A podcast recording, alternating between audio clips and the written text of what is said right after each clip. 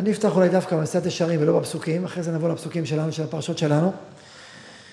אנחנו יודעים שיש, אה, בעולם הרוחני יש צדיקים ויש חסידים. ואנחנו יודעים במסעת ישרים, אם תראו במקום מספר חמש, הפרישות היא תחילת החסידות.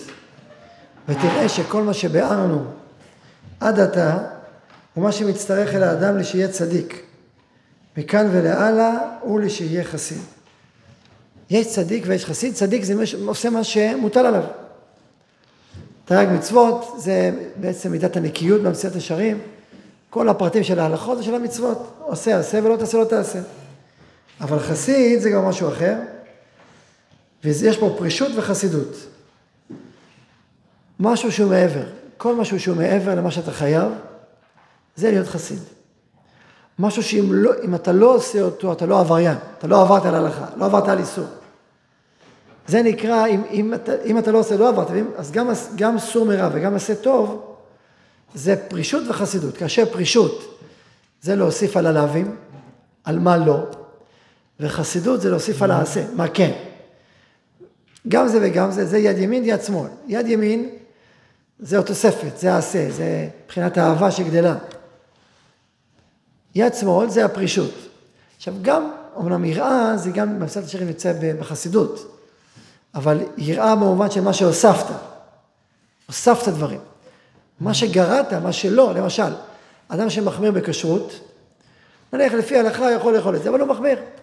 הוא מחמיר כי הוא חושש לדעות יחידאיות, הוא חושב שיש מחלוקת, הוא רוצה כשרות מודרת יותר, הוא מוכן לשלם יותר עבור הכשרות, הוא לא מוכן לאכול הרבה דברים. אז הוא נקרא זה נקרא פרישות, למרות שמעיקר הדין מעיקר הדין, הפשט של ההלכה יכול לסמוך על הרב מרדכי אליהו, שהיה גם חסיד וגם פרוש, כאילו חסיד לשני הצדדים. אולי היה אוכל רק משחיטה ש... שהוא היה רואה. וכל פעם היה בא לכל מיני מקומות, הסירים של אשתו, ואם לא, לא, לא אוכל. בחוץ לארץ, חודשים, אכל מציות ודברים מאוד בסיסיים. לא היה אוכל, פרוש. אז אדם למשל, שעולם של הכשרות, חשוב לו מאוד, אז והוא מחמיר יותר, אז הוא פרוש. אז יש פה בדרגות שונות. אדם, עולם התעניות, אני אדבר על זה בהמשך, או עולם שקשור לעולם הפרישות. יש שתי, שתי עולמות, עולמות פרישות ועולמות של התשובה. בעלי תשובה ושל של פרושים. זה קשור לשובבים, נדבר על זה בהמשך קצת. ובחסידות, זה להוסיף. להוסיף מעבר למה שאתה חייב, מה שאדם חייב. כשאדם מוסיף, הוא חסיד. אני כבר רוצה להגיד כפתיחה, שלמה אני בחרתי לדבר על הצדיקים ועל החסידים. בגלל שעכשיו אנחנו בתקופה שעם ישראל עובר ממדרגת צדיק למדרגת חסיד. עם ישראל כעם, אנחנו כאומה, נמצאים במדרגת חסידות, בעולם של חסידות, בניחוח של חסידות. וכיוון שאנחנו נמצאים באטמוספירה של חסידות, אנחנו צריכים להכיר את המרחב של החסידות טוב, ולדעת איך אנחנו לוקחים חלק בתוך המרחב החסידי הכללי ש... שבהם אנחנו נמצאים. אם תרצו, אם תרצו, אתמול, אספר ככה, בואו נספר לכם סיפור מאתמול. אתמול הייתי אצל חיילים. אה, חיילים פה באזור שהם אה, מגינים עלינו בעצם, על כל עם ישראל, ועלינו לא בפרט, כי הם מגינים בכל אזור יריחו. הם יושבים מבואות יריחו, הרב ניר אה, ראה אותם, מוצב שלם ליד ליד מבואות יחיחו, יושבים שם. אז נסענו אליהם, ו... עם מוזיקה, עם גיטרה, ישבנו שם. היה מאוד יפה, חבורה שלמה של חיילים. ו... איזה חבר'ה שהיישוב מצפה יריחו, בעצם פינק אותם כל, ה... כל ערב שבת במשך שלושה חודשים. פינק אותם באוכל, וכל כל מיני שבת, קראנו לזה ארבעה כוסות, סלטים, עוגות, חלות ודגים, וגם חמים בשלבים הראשונים. ככה צחקתי עם הרס"פ, קראנו לזה ארבעה כוסות. מה צריך? ארבעה כוסות. טוב. והיישוב התנדב פה, זה גם קשור לחסידות, באיזה לב חפץ, ואיזה אנשים נתנו, ועוגות, ובאים, וחלות, וזה חם, וכותבים כל פעם, לכבוד החיילים היקרים שלנו, וזה כשר, וזה מהדרין, וזה כוסמין, וזה פת מלאה, וזה לארוחת בוקר. הלב הטוב פועם ומביא ומביא. שבת אחרי שבת, שבת אחרי שבת, שלושה חודשים. היישוב מצפה יריחו חיבק את החיילים שבכל הסביבה. הם תמיד אמרו לחבר'ה של היישוב, איזה זכות יש לנו שאנחנו פה לידכם. בטח כל הארץ ככה, אבל איזה זכות שאנחנו פה לידכם, איזה... ככה כיישוב במשך חודשים. ואתמול הפלוגה של שלושה חודשים בעצם עוברת, אז הם הזמינו נציגים ככה לבוא, להגיד איתם ככה איזה סוג של פרידה, איזה סוג של חיבור. אז בזה באתי שם. אז בסוף, בסוף הסיפר, סיפרנו סיפורים וקצת מוזיקה וככה זה, טיש כזה, חיבור כזה, בסוף יש שם כל מיני סוגי חיילים. מחוברים יותר לתורה, כולם מחוברים אבל לעם ישראל, על המסירות נפש. אז בסוף אמרנו להם, בואו תספרו אתם סיפורים, אתם פה שלושה חודשים, תשמע, יש לכם סיפורים, תנו, לי, מה אני אספר מחר, תנו לי סיפור. טוב, אספר לך סיפור. אז סיפרו לי שתי סיפורים, אני אספר סיפור אחד מהם. זה סיפור ככה, סיפר המפקד, זה סיפר מישהי, המפקד, המפקד החוליה שם. הוא ככה מצטנע, הוא אומר, זה קבוצת מפקדים, קבוצת חיילים, ואיזה מפקד היה שם איתם. וכך היה, אז כולם צחקו עליו, איזה מפקד, מי המפקד? יש שם אחד בן ישיבה, אמר, ההוא גברא. בקיצור, אז אה, מה הסיפור? הוא אומר, תראו, אנחנו פה, שמרנו ביריחו, פה לידינו, וכל הזמן עוברים, עכשיו יום ולילה, אתם אומרים, סביב, סביב השעון, כל הזמן משמרות, סביב השעון. עוברים לידינו, ו... ואז כל פעם יש מחסום, אתה בודק, מי אתה, מה אתה. אז אמרתי להם, סיפרתי להם לפני, שאמרתי בישיבה, ששאלו אותי, מה צריך שמירות, הכל בסדר, הכל טוב.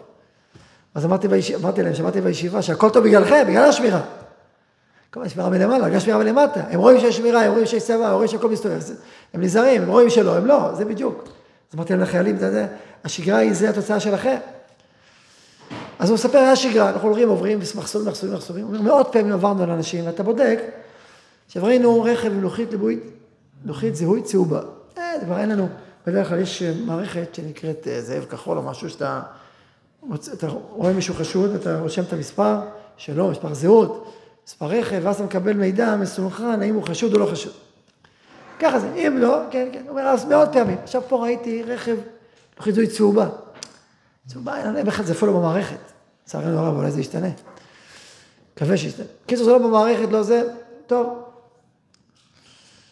אה, ואני רואה שם זו משפחה, איש ואישה, ושלושה ילדים מאחורה. טוב, מה לעשות ברכב כזה? אבל אמרתי לו, אני עוצר אותו. הרגשתי שאני צריך לעצור אותו. עצרתי את הרכב. מה ומי? אז פתאום אני קראתי לאישה, אמרתי לה, בוא תצאי החוצה רגע. הוא לא מבין, ו... דווקא לאישה, לא, יוצא, כן, יוצא החוצה. אמר לה, תגידי את משלנו? היא אומרת לו, כן. אומר לה, כבר יותר מדי, נכון? היא אומרת לו, כן. אבל בוא נזוז רגע מהרכב. הזיז אותה מהרכב, קח אותה לצד, אבל קח איזה 50 מטר, מה קורה? היא יהודה, יהודייה שנפלה ב... ב...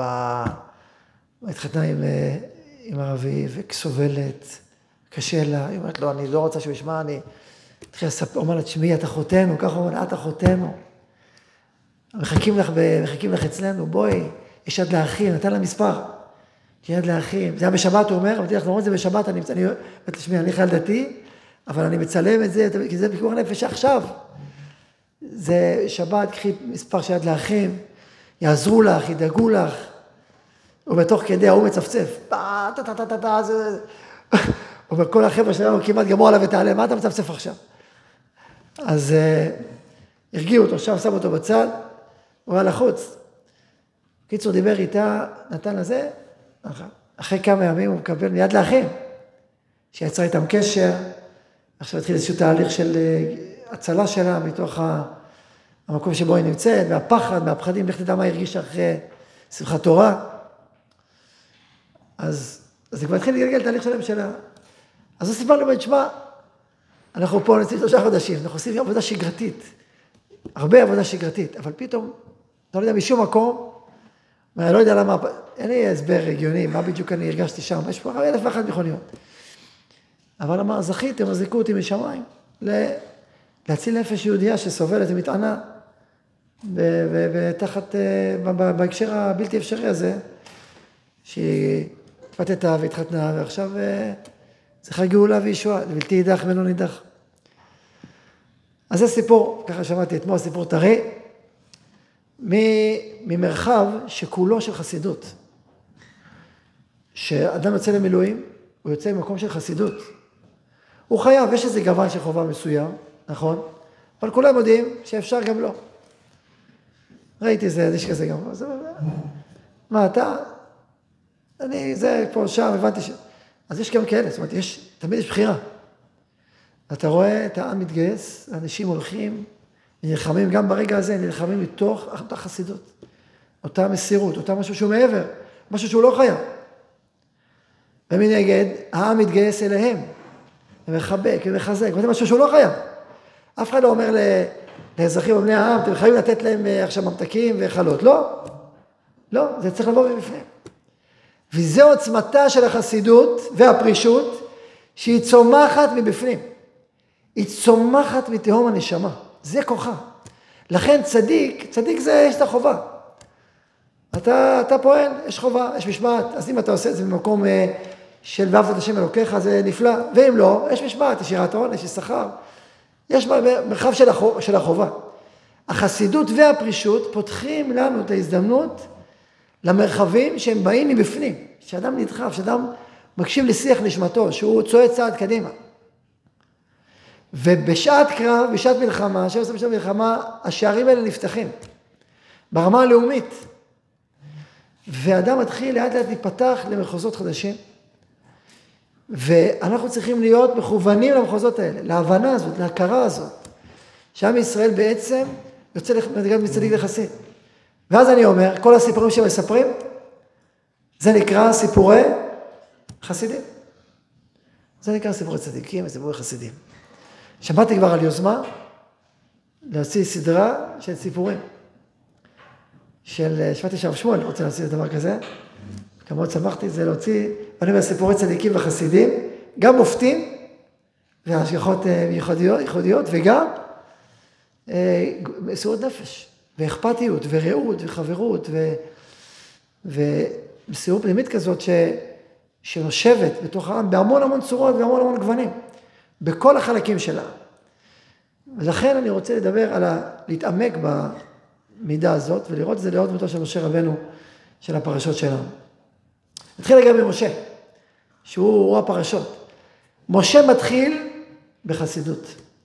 ויהי בימים הרבים ההם, הנה הבאתי את הפסוק הזה, פסוק במקום מספר 2, ויהי בימים ההם ויגדל משה ויצא אליך וירא בסבלותם. משה רבנו לא חייב, הוא לא חייב. הוא גדל, נסיך מצרי, בן תפנוקים, חסין, הכל בסדר. אתה יכול להישאר בחיי, בתוכך פנימה, ומה אתה צריך את כל ה... לצאת החוצה ולהתעמת ולהיכנס למרחבי סיכון. ולא, ויגדל משה ויצא אל אחיו. הוא מרגיש את האחווה הזאת, וירא בסבלותם. הוא מרגיש את הסבל, נושא בעול עם חברו. עוד מעט נקרא את המסעד ישרים, תראו איך הוא מפתח את זה. הוא חש את זה בתוכו והוא יוצא ובהתחלה עברי ומצרי, והוא לוקח סיכון והורג את המצרי. אחר כך גם בתוך העברי, אכפת לו, בתוך העם שלו. זה לצאת, לצאת מעבר לעצמך. זה המשמעות של החסיד, של משה, שככה הוא נוצר ונוצק. ואחר כך, אז כל ה... הוא בורח, כתוב, ומשה היה רואה את צאן יתרו. וינהג את הצאן אחר המדבר, ויבוא אל הר האלוהים חורבה. אנחנו כבר רואים את הקשר של הפסוק בין הרועה את הצאן לבין הר האלוהים חורב. והמושג הזה של רועה את הצאן, נדבר עליו בהמשך, בהמשך השיעור, כשנגיע למסעת ישרים, אבל הוא קשור בקשר מובהק לעולם הזה של החסידות, נדבר עליו בהמשך.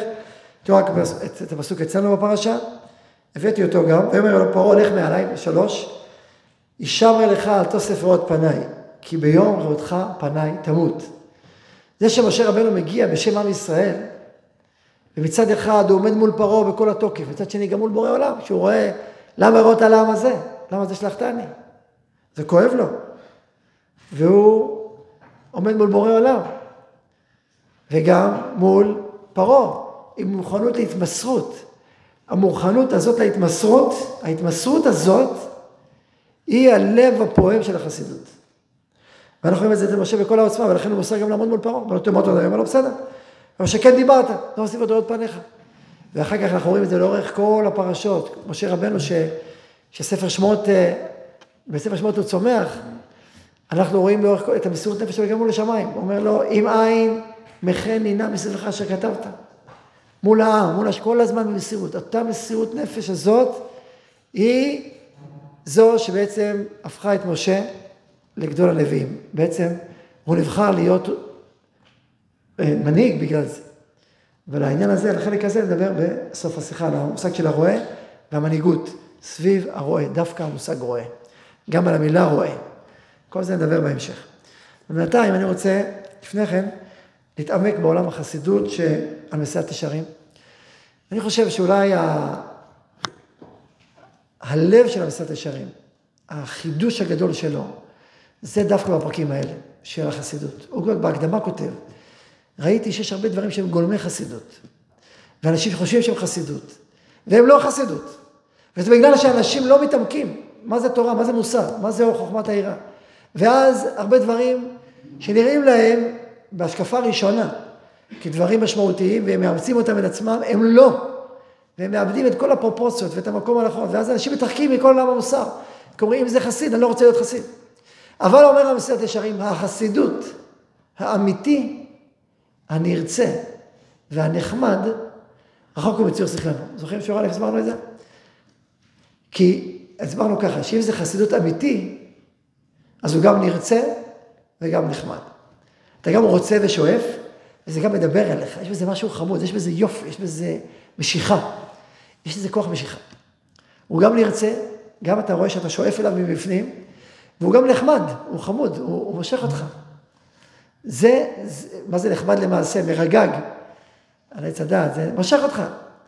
חסידות אמיתית צריכה לבוא, אמיתית, צריכה לבוא ממקום פנימי שרוצה ושואף, ושאתה נמשך לו. ואם זה לא, זה לא חסידות אמיתי, זה אחד העקרונות הגדולים של החסידות. אומר המסעד השערים בהקדמה, אני כותב את הספר, כי צריך להתעמק. כי צריך להבין מה זו חסידות, ומה זה מוסר, ואיך עושים את זה, ומתי עושים את זה, באיזה שלב, באיזה דרגה עושים את זה. לפעמים אדם לא בדרגת חסידות, הוא בדרגה עכשיו של צדקות, או עוד לפני, אז רגע, אז יש חסידות, אל תיקח את זה עכשיו. אתה לא בפרישות, אז זה לא הדרגה שלך, תיזהר. אם תלך יותר מדי מהר, בסוף אתה, אתה תאבד את מה שיש לך. ובסוף אתה לא תרצה יותר להיות חסיד. אז תקשיב טוב וגם תדע איך, לכן הוא בנה עולם שלם בפרישות, בחסידות. תראו גם מבחינה פרופורציונלית של נפח בחסידות, המון המון הוא כתב על החסידות, פרקים על פרקים, גם על הפרישות, גם על החסידות. יותר מכל תחום שהוא כתב בספר שלו.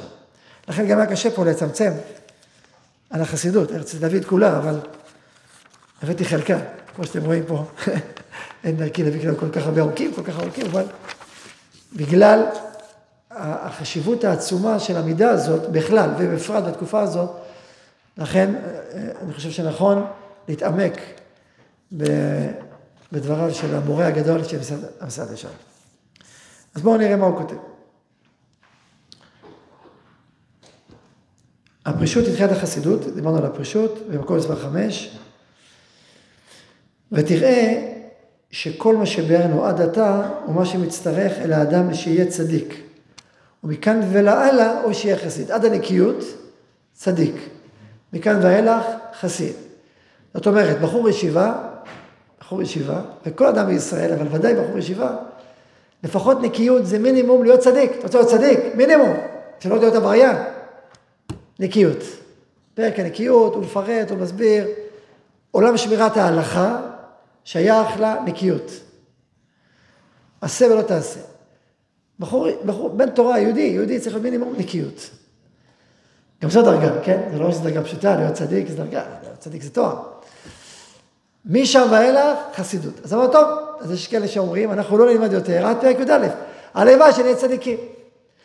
וזה נכון גם כן האמירה הזאת, אבל זו טעות גדולה. למה? בגלל שבתוכנו יש הרבה מרחבים של חסידות. ושמתאימים לנו. וכשאנחנו מבינים שזה חסידות, זה לא חובה, זה חסידות. ואנחנו נפתחים אליהם, אנחנו מתמלאים כוח רוחני, ולפעמים זה אותנו ככה הם לא צדיקים. זה, את העיקרון הזה לימד אותנו מורי ורבי הרב רחל, אנחנו רחל שכחתם, הוא אמר, תראו, מסת ישרים זה מבנה, אחד אחרי השני, אבל הוא גם מעגל למה? כי לפעמים, למרות שבדברים מסוימים צריך עוד תיקון, אבל לפעמים דווקא מדרגות יותר גבוהות, יש לך זיקה מאוד חזקה שם, וטוב שתעשה את זה. למרות שבמבנה האדריכלי של המסעת ישרים, עדיין לא הגיע הזמן, אבל באישיות האדם שהיא דינמית והיא זורמת, והיא גם מעגלית, היא לא רק קווית, היא לא רק אה, אדריכלית, היא גם בתנועתית, יש בה חלקים אחרים. יש תקופות, יש זמנים, יש מצוות מסוימות שבהן אתה צריך להיות חסיד, או מתאים לך, אתה רוצה להיות חסיד. ואני מוסיף, גם תקופות בחיי עם, שמעגל החסידות הוא, הוא הדומיננטי, והוא עכשיו פועם. ולכן אם אתה לא לומד את החסידות ואת הפרישות, אז אתה לא מכיר את כל המרחבים האלה, והם חשובים וחיוניים. לכן צריך ללמוד את כל הספר כמה פעמים. וזו ההזדמנות שלנו עכשיו, קצת לעסוק, אנחנו בישיבה עוסקים בעיקר, בהקדמה אני עושה, עוסקים פרק א', פרק ב', פעם עסקנו, הגענו עד, אז אחד הנקיות אולי הגענו, אולי, באחד הפעמים שלימדתי בסרט השערים, אף פעם לא למדנו על החסידות והפרישות כלימוד. אז עכשיו קצת, כמה דקות נעסוק בזה. דברים נפלאים, מה שיש פה. אז הוא אומר, עד כאן זה צדיק, מכאן ואילך חסיד. וניצע פרישות עם החסידות, כמו הזהירות, עם הזרזות. תראו איזה הגדרה למדנית, אבל לא נעמיק בה עכשיו, שזה ססור מרע וזה בעשה טוב. ואם תשאל ותאמר, אם כן איפה, שזה דבר מצטרך ומוכרח הפרישות, וזה בנוגע לש... לפרק שלפניו, שהוא הסביר למה צריך להיות פרוש, כי הוא אמר שכל מעשה חומרי, בסוף אתה מגזים, זה יביא אותך לחטאים. אז לכן אם אתה רוצה באמת לא לחטוא, אם אתה רוצה באמת להיות צדיק, תהיה פרוש. אז אם זה ככה, אז זה כולם, כולם צריכים. אם כן, איפה זה המצריך ומוכח, למה לא גזרו עליו החכמים, כמו שגזרו על הסייגות ותקנות שגזרו? יש הלכות, הלכות ברורות, יש סייגות, יש תקנות, יש, נכון, אז למה זה לא גזרו? הנה התשובה מבוארת ופשוטה. כי לא גזרו חכמים גזירה, אלא אם כן רוב הציבור יכולים לעמוד בה. ואין רוב הציבור יכולים להיות חסידים. אבל די להם שיהיו צדיקים. אמירה כל כך חשובה. בעולם הרוח, בעולם המוסר, תמיד יש שאיפה להיות יותר ויותר. ותמיד מפתה לומר, אם אתה לא חסיד, אתה גם לא צדיק. אם אתה לא פרוש, אתה גם לא צדיק. ויש לאמירה הזאת על מה לייחס. כמו שמסתר השרים בעצמו מסביר למה צריך פרישות. אבל, ועם זאת, עדיין לא. יש צדיק ויש חסיד. זה כתוב, זה להלכה? זה לא, זה לא הלכה? לא חובה. צריך לדעת מה חובה. זה מה שיעשה הרב עובדיה, זכר צדיק לברכה, לבן איש חי. זכר צדיק לברכה. כתב עליו ספר שנקרא הליכות עולם. והוא כותב בהקדמה שאחת הסיבות שכתב את הספר, בגלל שבן איש חי הוא חסיד. רב הרבה הוא חסיד הוא וחסדאין מילה. וכיוון שהוא חסיד, אז אתה לא יכול לפעמים לדעת בתוך הבן איש חי מה חסידות ומה המינימום. ואז אתה לומד ונראה לך כל אותו דבר. אז אומר, אומר הרב עובדיה, אני כתבתי את הספר שלי בשביל לעשות את ההבחנה בין החסיד לבין הצדיק. לא, זו המילה שלי, חסיד וצדיק, כן? בין החובה לבין uh, חסידות. כל כך חשוב. כי לפעמים לא קדם בדרגת חסיד, לפעמים אתה בתהליך תחילת דרכו, לפעמים אתה לא תמיד בתוך השלב כזה את הכוח הזה. הרוחני, פעם הוא כן, היום הוא כבר לא. נכון? צריך לדעת, יש הרבה הלכות. עכשיו, אני לא אומר שזה סיבת המחלוקות היחידות, יש עוד הרבה דברים, כמו השולחן ערוך, מקום השולחן ערוך, מקום הקבלה, יש עוד הרבה חלק, ולפעמים זו מחלוקת אה, ספציפית, עניינית, לגופו של עניין, פוסקים את ההלכה. יש גם הרבה חלקים כאלה בבן איש אבל יש הרבה חלקים כאלה, כמו שאמרתי עכשיו. בנוסף למחלוקות אחרות, וזה אחד התועליות, אחד הברכות הגדולות שהביא הרב עובדיה לבן איש חי, וזה שהוא חיבר את הספר יחדיו, ולכן עוזר לכולם ללמוד בן איש חי עם ההבנה איפה יש מחלוקת. זה הסדרה הליכות עולם. זה כמו שהרמה כתב מפה לשולחן ערוך, וזה רק הגדיל את השולחן ערוך, למרות שהוא חלק עליו, כי ככה אדם יודע מה אשכנזים אומרים, מה הספרדים אומרים, זה ספר לכולם.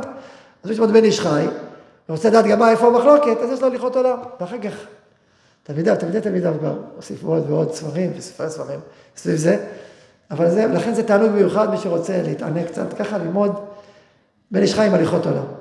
ואז בדיוק רואה, וכל, וכל הלכה, מה הבן חי אומר, מה הרב עובדיה אומר, ואיפה הגוונים השונים. ש...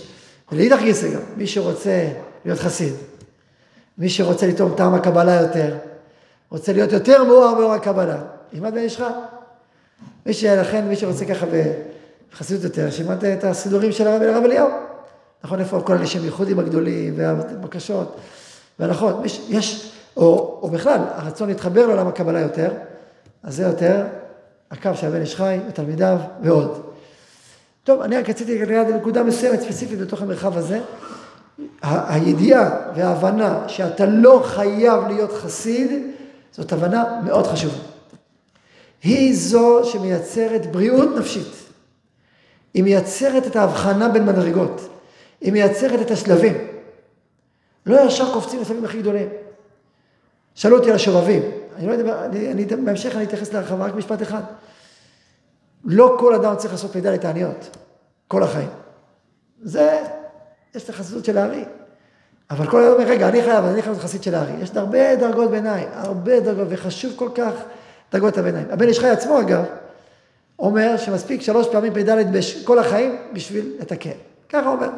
חלק עליו תלמידו וחברו הרב יהודה פתיה, אבל זה מה שהבן איש חי פסק, ככה מה שהוא אומר. אז עוד יותר, תחשבו, אז יש דרגות. ו...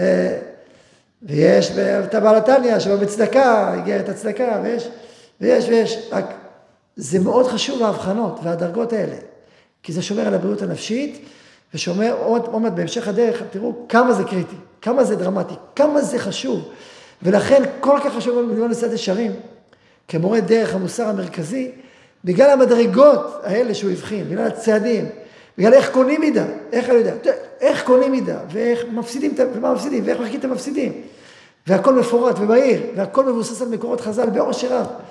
זה לא סתם אחד הספרים, או לא סתם אבי סלנטר, או רבו יותר, אבי זונדל, ביקר אותו למורה הדרך המוסרי, בספרי מוסר האחרונים ודאי. לא יש לנו ענקי מוסר גדולים, ולא? אבל הוא אמר לו, אמר לו, ישראל, כל ספרי מוסר טובים. ומסעדת ישרים יהיה מורך, המורה הדרך, המרכזי.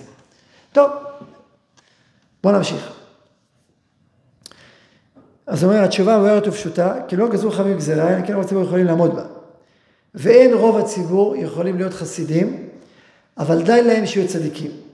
החסידים אשר בעם, החפצים לזכות לקרבתו יתברך, ולזכות בזכותם לכל שאר ההמון הנתלה בם. להם מגיע לקיים משנת חסידים. אשר לא יוכלו לקיים האחרים, הם הם סדרי הפרישות האלה, וכמובן אחר כך, כי בזה בחר השם, שכיוון שאי אפשר לאומה שתהיה כולה שווה במעלה אחת, כי יש בה מדרגות מדרגות, יש לפי שכלו, הנה לפחות יחידי סגולה יימצאו, שהכינו עצמם הכנה גמורה, ועל ידי המוכנים יזכו גם בלתי מוכנים על אותו יתברך בהשראת שכינתו, כי עניין של אשור, זיכרונם לברכה, בארבע מינים שבעולם יבואו אלה ויכפרו על אלה.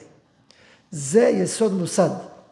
ההבנה הזאת שבמרחב החסידות לא כולם להיות חסידים, אבל החיבור לעם, חוויית האחדות שבאומה, היא זו שמחברת את החסידים אל כולם. בקפיצה קדימה, דיברנו על מי שהולך למילואים ומתנדב להיות חייל בצבא. הוא חסיד. במובן הזה של הגנת ישראל, מי הצר שבא עליהם במסירות נפש, הוא חסיד. ובמשנת חסידים, הוא לוקח את כל אשר לו, במסירות נפש מוכן למסור את עצמו על עם ישראל. הוא חסיד. ויש מאות אלפים כאלה, אז מאות אלפים חסידים. ואם יש זקנים שהולכים עכשיו להילחם, או יש כאלה שעדיין לא נלחמו, או יש כאלה שהם בחורי ישיבה בחסידות אחרות, הם עושים את עצמם בחסידות בעולמות של תורה, אז מה עושים?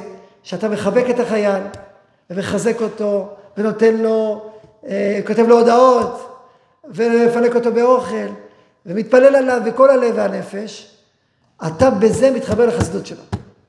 עכשיו כולם נהיים חסידים, כולם חסידים.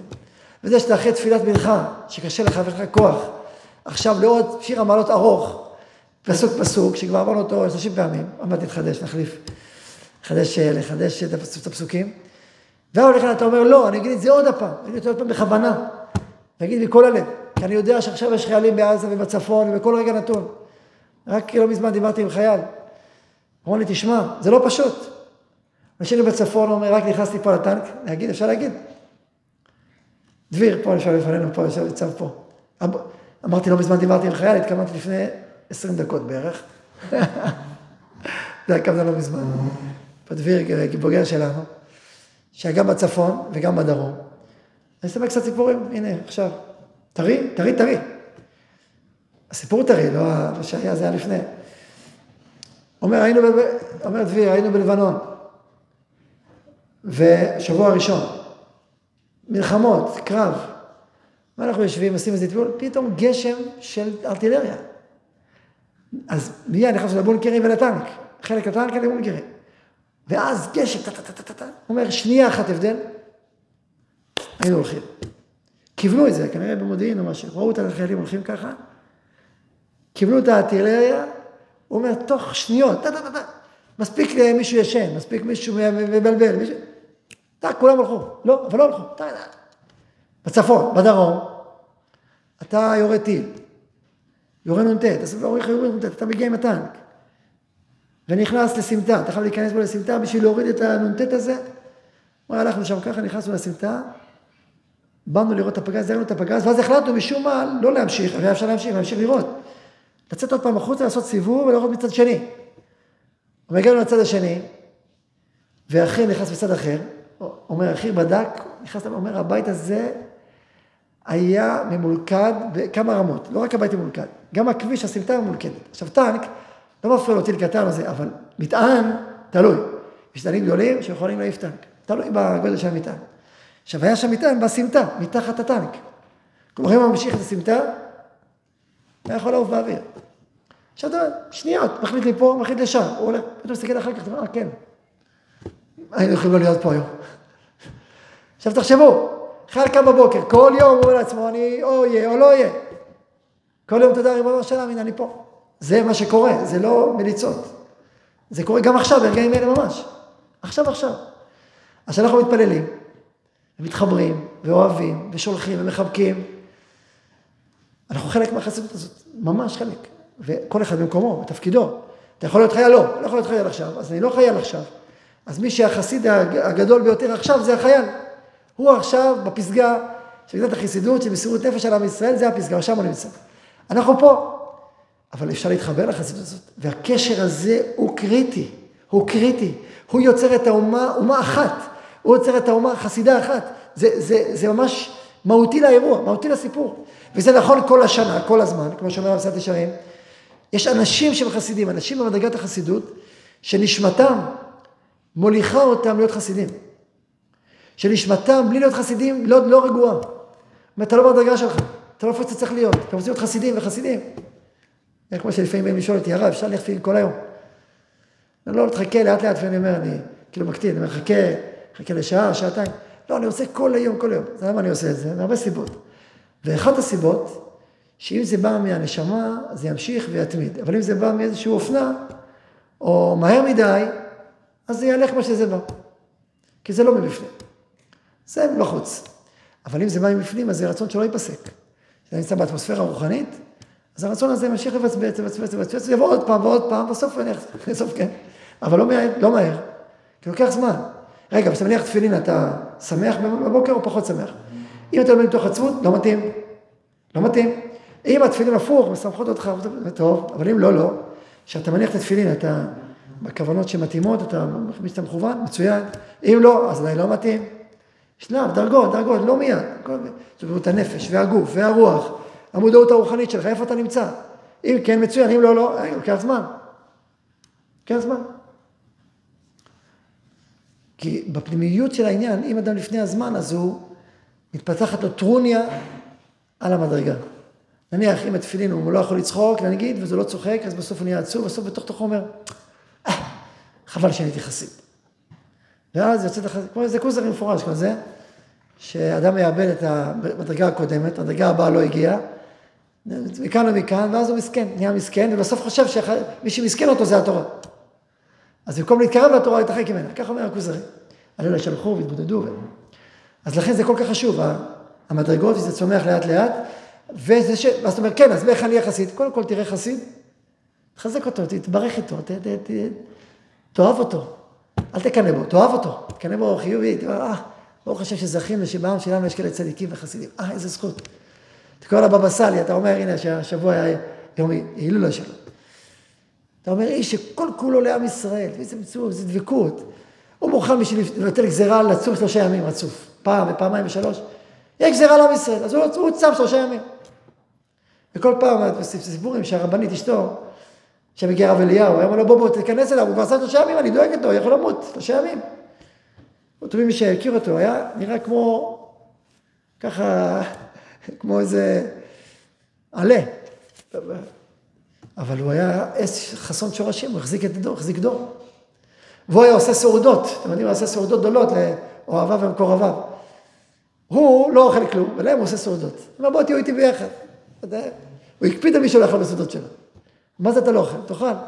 מה אתה לא שותה רק תשתה. זה כוונה עמוקה, הוא בעצם מחבר אותם אליו. עכשיו, מצד שני, עם ישראל העריץ אותו ונתן לו וחיבר אותו וגם נתן לו, עזר לו כלכלית. ואז נוצר עם אחד, ככה נוצר עם אחד. נמשיך, בואו נדבר רגע על חלקי החסידות. חלקי החסידות הראשיים שלושה, אני במקום מספר שש. הראשונה במעשה, השני באופן העשייה, השלישי בכוונה. אופן העשייה, תראו בצד, זה לא כתוב שם, הוא כותב אחר כך, יראה, אהבה ודבקות. ובאהבה יש דבקות ושמחה וקנאה, רק שתדעו, אופן העשייה, אז זה אופן העשייה. במעשה נקרא עוד מעט, הכוונה, לא הבאתי פה, הכוונה, זה הכוונה הטהורה לשם שמיים. אופן כללי, ככה, הכי הכי כללי. בואו נקרא גם מה שכן הבאנו במעשה.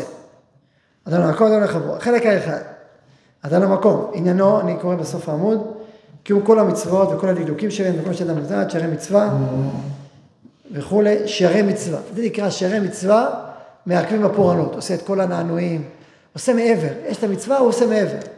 יש הבדלה, אז הוא גם שר שירי הבדלה. מה, גמרת את ההבדלה, נגמר. לא, ייתן לך, נשאיר עוד שיר, עוד שניים. הוא עושה סעודה רביעית בלחם. למרות שזה פשט ההלכה קצת, אפשר להגיד. ודאי לסדר סעודתו, צריך כזית, אבל הוא מקפיד על לחם ולא רק במזונות. כל שכן שהוא לא, לא עושה בכלל. אז הוא עוסק בזה שלי, הוא עושה עוד יותר. הוא עושה בלחם. הוא רוצה עוד, הוא יודע שזה...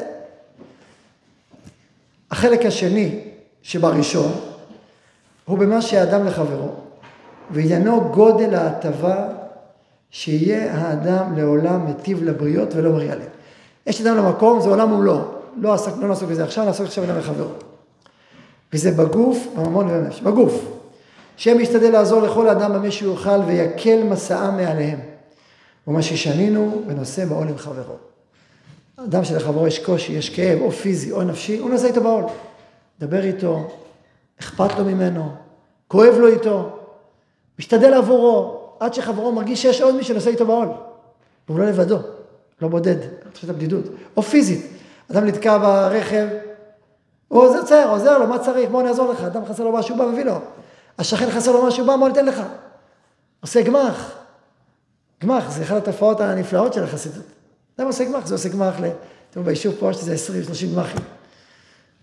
אין, יש פה גמח. מגמחים למוצצים וכריות אה, לברית, זה גם מאוד יצירתי. עושה מה שצריך ועדיין לא פתחו גמח. קדימה. יש אחד גמח לספרים לברית יצחק, או לחלוקת הבית. איך הספרים תדעי בשבילך יש גמח. לך קח את זה. ויש כל מיני דברים מאוד יפים. אה, לגמחים, שונים. כן, אז אה, נושא בעול עם חברו, וגם אם מגיע לחברו נזק שיכול למנוע אותו להסירו, יטרח כדי לעשותו. ואפילו בממון, מה זה בממון? זה בגוף, בממון, לסייעו כאשר תשיג ידו, ולמנוע ממנו נזיקים ככל מה שיוכל. כל מה שאפשר לעזור לך בממון של חברו, תגיד לך, מה זה ממון זה שטויות. ממון של חברים? לא, ממון זה בכלל לא שטויות. אז קודם כל צדיקים, ממון החברים להם בגופם, זה גם כתוב. וחוץ מזה, אמר, יש איזו אמרה חסידית ידועה, שהגשמיות של חברך היא הרוחניות שלך. אולי החזון איש אמר את זה בעצם. הגשמיות של חברך היא הרוחניות שלך. גם, גם ממון וגם כבוד, גם כבוד. נקרא קצת, לסייע כאשר תשיג ידו, כן, אה, בין לרבים הלכות הנזקים וכולי, בנפש. אם ממון חברך, חביב עליך כשלך. טוב, סימן שגם חברך, ממון שלך צריך להיות חביב. צדיקים ממון חביב עליהם. כי לא בגלל שהממון עצמו, אלא שממון הוא כלי לעשות המון טוב, המון ברכה. בנפש, שישתדל לעשות לחברו כל קורת רוח שיש בידו. בין בענייני הכבוד, בין בכל שאר העניינים. מה זה ענייני הכבוד? יש לו מקום. איזה דבר תורה אמרת, יישר כוח, אני שמח לראות אותך, חייך לחבר שלך. הוא עשה איזה פעילות, אתה אומר לו, וואו, כל כך חשוב, כל כך משמעותי.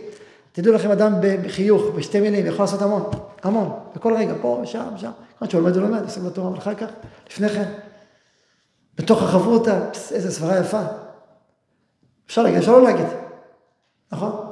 נשמע, וואו, איזה חידוש. אפשר להגיד גם, מה, זה סברה בסדר, אבל סברה אחרת, הרבה יותר טובה, אה, בסדר, סברה. למרות שאתה חושב שהיא סברה טובה, אבל סברה יותר טוב, אבל לא, סברה יפה. לו, חידוש, התחדשתי. תן לו, זה מצווה, זה חסידות, עושה חסד. כל קורת רוח בין ענייני הכבוד, בין כל שאר העניינים. כל מה שהוא יודע שאם יעשהו לחברו, הוא מקבל נחת רוח ממנו, מצוות חסידות הוא לעשותו. כל שכן שלא יצערנו ושום נעצר, יהיה בעשות שיהיה. בכלל כל זה גמילות החסדים אשר הפליגו חכמינו, זיכרונם לברכה, בשבחה ובחובותינו בה. ובכלל זה רדיפת השלום, שהוא ההטבה הכללית, הולך עבורו, אם אין שלום, כל מריבות ראינו רק לא מזמן, מה זה שאין שלום, מה זה שיש מחלוקת, מה זה שיש... ולרדוף את השלום, ולהשקיע בשלום, כמה הוא דבר גדול של החסידים, זה בכלל. ו... אז אני רוצה, אם נדבר לחזור רגע לתקופה שלנו, תראו כמה חסד. וכל פעם זה מופיע בצורות חדשות, וזה יצירתי. אנחנו עם שמלא חסידות בתוכו. לא סתם קראנו לזה סיפורי חסידים. כל פעם אני רואה דברים, מה אנשים עשו. בגדים לחיילים. משחקים לילדים של נשות המילואים. יש להם משחקים חדשים. מקבלים משחקים חדשים. טוב, קו חם לנשות המילואים, קו זה למי שהולך, מי שבא. כל כך הרבה דברים של חסד ששוטף את העם בזמן הזה. ככל שאנחנו יותר בשגרה, זה גם כל הזמן, זה גם כל הזמן עם ישראל. בשעת מלחמה זה עוצמתי, זה פורץ מבפנים, ואנשים רוצים ושייכים. ואז אנחנו חלק מזה. ואומנם עוד עיקר שני, עיקר החסידות, אני ככה אקצר. והוא טובת הדור, שיהיה ראוי לכל חסיד שיתכוון במעשיו לטובת דורו כולו, לזכות אותם ולהגן עליהם. אני מדלג, ותראה שזהו רצונו של מקום, שיהיו חסידי ישראל מזכים ומכפרים על כל שאר המדרגות שבהם. חסידי ישראל מזכים ומכפרים על כל שאר המדרגות, יבואו אלה ויכפרו על אלה. אין הקדוש ברוך הוא חפץ אותם רשעים, אלא מצווה מוטלת על החסידים להשתדל לזכותם ולכפר עליהם. וזה צריך שיעשה בכוונת עבודתו וגם בתפילתו בפועל. לנו שיתפלל על דורו, לכפר על מי צריך כפרה, להשיב בתשובה וצריך ללמד סנגוריה על הדור כולו. ללמד סנגוריה על הדור, להגיד כמה מסר לו טוב, כמה אור יש בו, כמה ברכה יש בו. וגם מה צריך לתקן, צריך לתקן לנו מתוך אהבה, לא מתוך מקום אחר. הלאה, אני, אין, אין, אני מדלג, אין הקדוש ברוך הוא אוהב, אלא למי שאוהב את ישראל. אין הקדוש ברוך הוא אוהב, אלא למי שאוהב את ישראל. וכל מה שאדם מגדיל אהבתו לישראל, גם הקדוש ברוך הוא מגדיל עליו.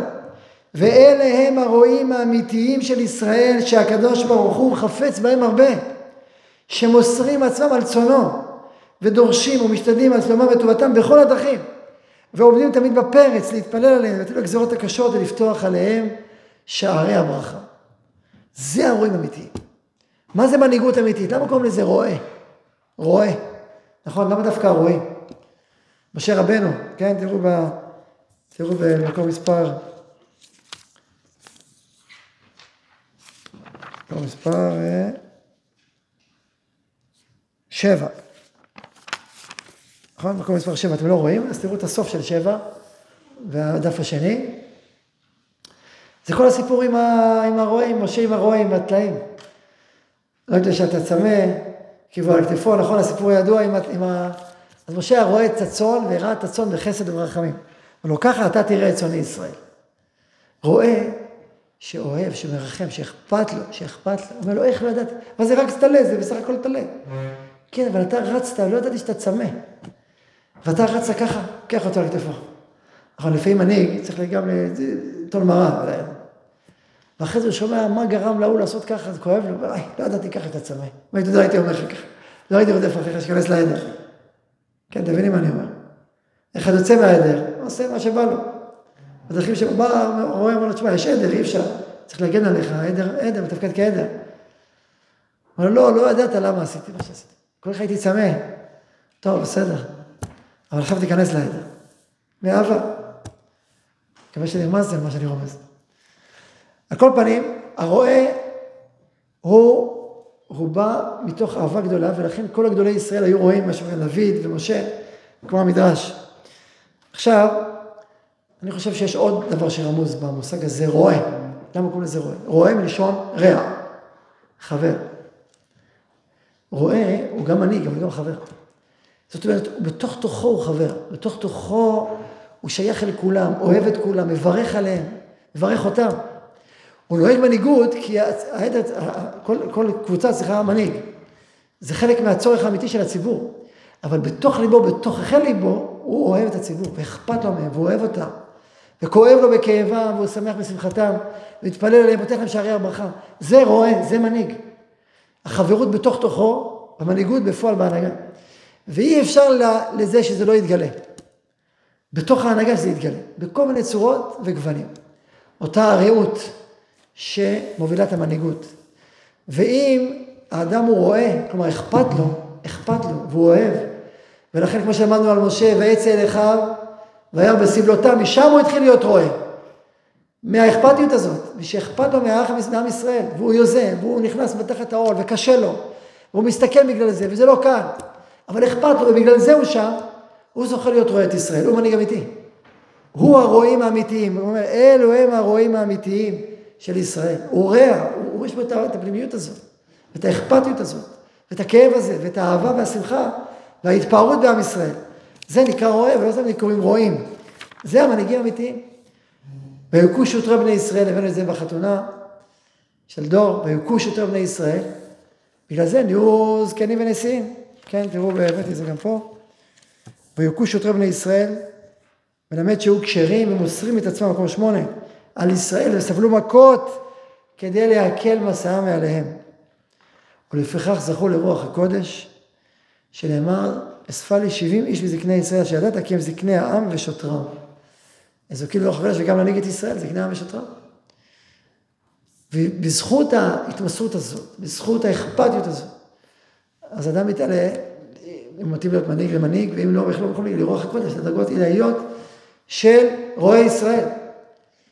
וכאשר אדם, כל אדם חי במדרגת חסידות, והעם, כאשר אנחנו בתקופה של חסידות, שמוסרים את עצמם אחד על השני, ויכו שוטרים בני ישראל, אנשים מוסרים את הנפש, ונפצעים, ואין להם יום ואין לילה, ישנים בטנק, ישנים ב...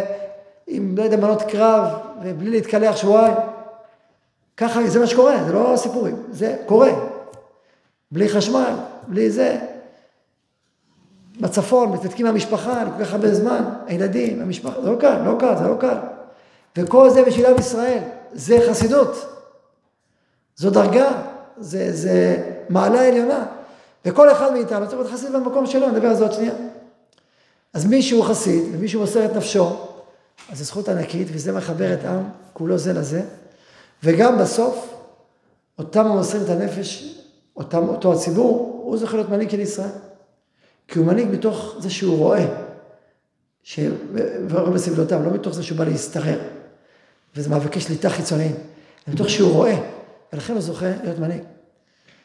אני חושב שבהקשר של הציבורים השונים, אז כולם שותפים, אבל ככל ששותפים יותר, אז זכות גדולה יותר.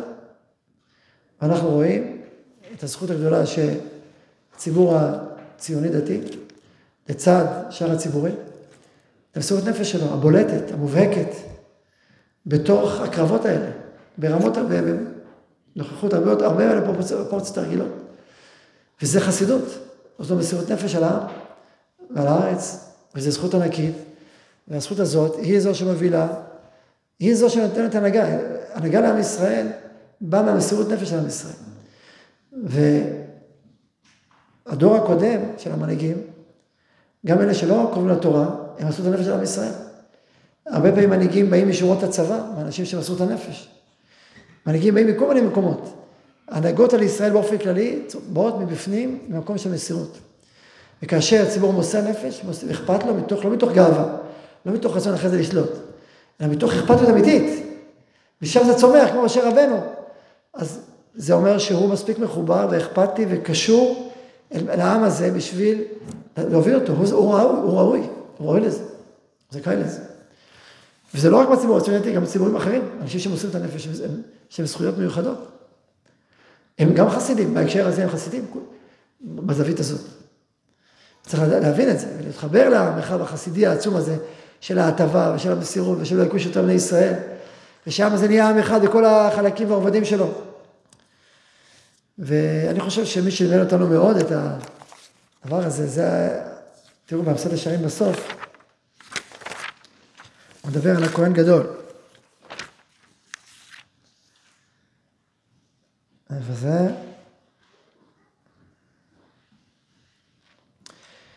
לפני מקום מספר שבע, אה למה זה דומה? לאב שאינו אוהב שום אדם יותר מי שרואה או שאוהב בניו אהבה נאמנת. זאת אומרת שהטבע יעיד עליו. והוא עניין כהן גדול שאמרו עליו שאין לבקש רחמים על דורם ולא ביקשו. תחשבו, כהן גדול, תחשבו, זה אירוע לאומי, שכל הרוצחים בשגגה הולכים להם מקלט, עובר שנה, שנתיים, שלוש, נו מתי אתה יוצא? אשתו שואלת, אמא שלו שואלת, מתי אתה יוצא? מה הוא אומר? הכהן הגדול עוד לא מת, מה נעשה? עובר עוד שנה, עוד לא מת, הכהן הגדול עוד לא מת. תחשבו שיש קבוצות שלמות בעם ישראל שמחכים שימות הכהן הגדול. אולי גם גואל אדם מחכה שזה יקרה. אני לא יודע מה הוא מחכה, גואל אדם. גם בזווית ההיא. לא, גואל אדם לא מחכה, כי זה לא יעזור לו. הוא מחכה שיישאר שם, שלא ימות, שיישאר בגלות. הרוצח. על כל פנים, מה, מה זה אומר? מה זה אומר? ש, ש, ש, שהתורה יוצרת דבר שאנשים מתפללים וחפצים שימות הכהן הגדול. אולי לא כדאי להיות כהן גדול. נכון? מישהו שאל אותי, אז לא כדאי להיות כהן גדול. מה התשובה? שאם אתה גדול, אז אתה רוצה להיות כהן. למה? בגלל שהכהן הגדול, היה לו לבקש רחמים על דורו. הוא בתוך תוכו כל מחובר אל הדור ואל העם. ואם מה שקורה לעם כואב לו, חייל נופל כואב לו, אם יש רצח בכלל פלילי כואב לו. איך יכול להיות שבעם ישראל זה קורה דבר כזה? והיה צריך לבקש עוד ולהתאמץ עוד, זה כל יום בפני עצמו. הוא מרגיש את הצער הזה. הוא בוחר להיות איש כזה שמרגיש את הצער הזה. וככל שהוא גדול וצדיק וקדוש יותר, אז הוא יודע את הפנים ויודע את הפנים, ויודע מרגיש את הצער יותר יותר עמוק. והכוח ההשפעה הרוחני שלו גדול יותר, והתפילה שלו פועלת יותר, והכוונה שלו עמוקה יותר. וזה קורה וזה פועל והוא שם, זה האישיות שלו. יש כהן, עכשיו יש דרגות, יש כהן גדול, יש סגן כהן גדול. יש אמרקן, יש כהן אדיוט, יש דרגות, גם בתוך הכהונה עצמה יש דרגות, למעלה למטה. הרבה דרגות יש, אבל המהות זה המהות. ולכן כהנים אוכלים, בעלים מתכפרים. זה הכהן הגדול. הרב זכה להיות הכהן הגדול. האלפנדרי, האלפנדרי, שהוא היה מגדולי צדיקי חסידי ישראל, היה קנאי והיה, נפסר בגיל 115, היה רב של טורקיה, בטורקיה, ואחרי זה רב של צפת, ואחרי זה סבא קדישא. כל מילה שלו הייתה בסדר, הוא גם לא קיבל הרבה אנשים. האדמו"ר ממונקאץ', מה, מהזוויות של סאטמר, מאמריקה, נסע, טס, הגיע לצד במיוחד לפגוש את אלפנדר. היה בעל מופת, היה גאון קדוש. הוא כל פעם שהחוק היה מגיע, גם בצפת וגם בירושלים, כתב לו מכתבים גדולים, לכבוד הכהן הגדול. האחד. כל פעם הוא כותב, לכבוד הכהן הגדול. הכהן הגדול. זה, מה זה גדול? שכל כולו הוא חי בדרגה הזאת של החסיד. תראו את הרב. אני הבאתי לכם אחר כך את הרב בתשע ועשר. אני אקרא את עשר ואחרי זה כמה אני בתשע ועשר. בעשר, זה חלק מסעיף גדול בארות התחייה, ד', שעוסקת בעולם הכהונה, הבאתי מעט. הכהן החסיד העליוני, המלא חסד ודעה עליונה, יודע את האלוהים באמת, ועל סמך דעתו והרגשתו העליונה נסמך הוא העם כולו. בעיתים שזרם החיים השלם מייחד את העם עם העליונים שבבניו. הוא נסמך, העם אז, הוא אוהב את הצדיקים שלו ואת החסידים שלו, על הצדיקים ועל החסידים. רבותיי, כל יום ב-18, שלוש פעמים ביום, אנחנו מתפללים על החסידים. כל יום. בואו נכוון. על הצדיקים ועל החסידים, על הצדיקים ועל החסידים. כל יום אנחנו אומרים את זה, שלוש פעמים ביום. אה, אולי מכוונים בשארית רחבת ישראל, זקנה, על הצדיקים. כמה חשוב שיהיו חסידים בעם ישראל. קודם כל מי שמפה, שהוא חסיד. כישיבה זה מרחב של חסידות, הישיבה כישיבה בכלל. הישיבה היא מרחב חסידות. אבל בתוך הישיבה צריך לגדל עוד ועוד חסידים וצדיקים. אנשי קודש, מאיפה יגדל? מפה. ואז העם אוהב את הצדיקים האלה והחסידים האלה, הוא נסמך אז בחילם, הוא מאזין את שיחם, באמונה ברורה מתבררת לו בכוח כללי, בהרגשה בהירה, והקראה כוללת למעשה לפעמים כדי פיתוח של חוכמה, ספרות ושירה. זה נקרא סיפורי הצדיקים והשירים על הצדיקים. וחוכמה, הוא מתייחס אל גדוליו, הוא מתגאה בגודלם, מתברך בברכתם, הוא מתקדש בקדושתם, הוא מתמלא חי לעבודתו החומרית, החברתית והמדינית, הוא מלא עוז ואומץ, הוא הולך לדרכו, יודע בבירור שאלוהי אומן עמו. כשעם ישראל מחובר לצדיקים, לחסידים הגדולים, הכל מתחבר. הוא מתמלא כוח מאותם החסידים והגדולים והמברכים, והכל נהיה אחד. כמו שהיום, בחסידות של הקרבות, הוא מתמלא כוח בגיבורי ישראל, מה נלחמים כאריות, הוא שומע את הסיפורים של האיש והאישה גם, תמיד זה בא ביחד, גם בזוג, גם הכהן החסיד העליון יש לו אישה, ותמיד זה בא ביחד. צריך להרחיב בזה? לא היית עכשיו. אבל גם גיבורי הצבא, יש להם אישה. אנשי המילואים יש להם אישה. זה בא ביחד. החסיד ואשתו הצדקת, החסידה. זה בא ביחד. זה זוג חסידים. זה בא כזוג וחייב להיות כזוג, אי אפשר אחרת. כמעט. אז החסידים האלה, אנחנו מתפארים, מספרים את הסיפור ועוד סיפור, ואיזה גבורה. זה, כל זה סיפורי הצדיקים והחסידים של העם הישראלית. שיש את החסידות בעולם הקרב, ויש חסידות בעולם התורה, בעולם המידות, בעולם החסד. אנחנו בישיבה, בחסידות, בעולם של קדושה ותורה, של לימוד תורה, של תפילה. בזה אנחנו צריכים להיות חסידים, יותר ויותר. ולהתפלל ולחבר את כל העם אלינו במחשבה, בדיבור, במעשה, בפרישות, בחסידות, בכל המרחבים. עכשיו, איך עולים מדרגות? דרך רצון פנימי. תמיד מבפנים. לעולם לא מבחוץ וחיצוני ומלאכותי וכופה ומעיק עליך. צריך להרגיש את ההתעוררות הזאת, את הרצון הזה. אני כן, אני גם רוצה להיות שותף בקרב. אני אעשה משהו. אני אגיד עוד פרק תהילים. אני אתן בפועל, אני אעשה, אעזור לחיילים. אני אעשה כך, אעשה כך. אני תשלח הודעה. אני עכשיו שולח חמש הודעות. רבו אושר וייס, הגאון מורה רבו אושר וייס, שמעתי שיעור שלו. הוא סיפר, משהו לפני זמן מזמן, הוא סיפר שהוא אומר, כל אחד ייקח על עצמו משהו יותר. זאת מלחמה, כולם עושים יותר, אני אומר, בשפה שלנו, כולם חסידים, משהו בחסידות, יותר. איזה מצווה שלך, איזה משהו שאתה מרגיש משיכה אליו, שאתה יכול לתת אותו, בגוון שלך, בנקודה שלך. לא צריך להגזים מעבר לכוחות שלך, אבל בנקודה שאתה יכול. אז הוא אומר, נותן שיחה לאלף איש, ובסוף בא אליו איזה ילד קטן, אומר לו, הרב, דיברת שכל אחד צריך משהו יותר? קיבלתי על עצמי משהו בתוך השיחה. אמר לו, מה? לעמוד בחזרת השץ. ואז הוא שואל אותו, האם כשאני הגעתי מאוחר לתפילה, אז אני גם לעמוד או לא? אז מה שאמר לו, עניתי לו, שיב אותו בקריאת שמע, אל תעמוד, פסוקי זמן תעמוד על זה, אבל כל כך התלהבתי, אמרתי לו, אמרתי לו, הלוואי שכולם יקחו אותי ברצינות כמוך. שיקחו אותי ברצינות. אז ככה אומר, אז כל אחד לוקח על עצמו דבר, וכל המרחבים, יש המון מרחבים אפשר לקחת. גם מעשית לחיילים, להיות חלק מזה ממש, אפילו בהודעות לחמש חיילים, לא משנה. ולדבר עם חיילים, ו... ולהתפלל עליהם, באמת בכל, להוסיף עוד תפילה, חוץ ממה שאנחנו מתפללים. להגיד בתורה, אני לומד לשם עם ישראל, למצוא את הדרכים שבהם הוא חסיד, שבהם הוא יותר, שבהם הנשמה שלו שרוצה להיות שותפה יותר בכל מה שקורה, לתת את העוצמה הזאת של החסידות, להיות חסיד, לא רק צדיק, חסיד. ובתוך זה להיות חלק מהאטמוספירה הכוללת שעם ישראל מתגלה בחסידותו ותפארתו. אני הבאתי ב... כאשר פסגת החסידות זה מסירות הנפש. תראו במקום מספר 4 בספר תהילים. אספו לי חסידיי כורתי בריתי עלי זבח. החסידות הגבוהה ביותר זה מסירות הנפש. או בתורה, בפועל ממש כמובן. זה מסירות נפש של, של מי שמסר את נפשו שלו, של משפחתו, של סביבה וקרוביו, כולם. של עם ישראל כולו, אספו לי חסידיי, חסידיי כורתי בריתי עלי זבח. ומה חשוב בחסידות? לכוון על קל הדור. בזה אני מחובר לכולם. אני שייך לכולם, לכל העם, כולו, אני משם בא, משם אני פועל, משם אני יוצר, משם אני מזכה. אז יהי רצון שנזכה שהעולם של החסידות הגדול הזה, שפרץ ופורץ בתקופות האלה, מהצדיק לחסיד, שנהיה חלק ממנו. שנהיה חלק ממנו, ונזכה להיות פועלים עם כלל עם ישראל, עם כל האומה הישראלית, להביא אור לעולם, להביא ברכה לעולם. להביא ניצחון לעם ישראל, להביא תיקון עולם מלכות שדי, לקדש קידוש של השם עולמי. להגיע למצב שעם ישראל כולו מלא, מלא חיבור, מלא קדושה, ושהעולם כולו, כולו, כולו, מתמלא עושר. אנחנו עושים את זה, זה השאיפות שלנו. גאולה שלמה. לכן יהי רצון לנו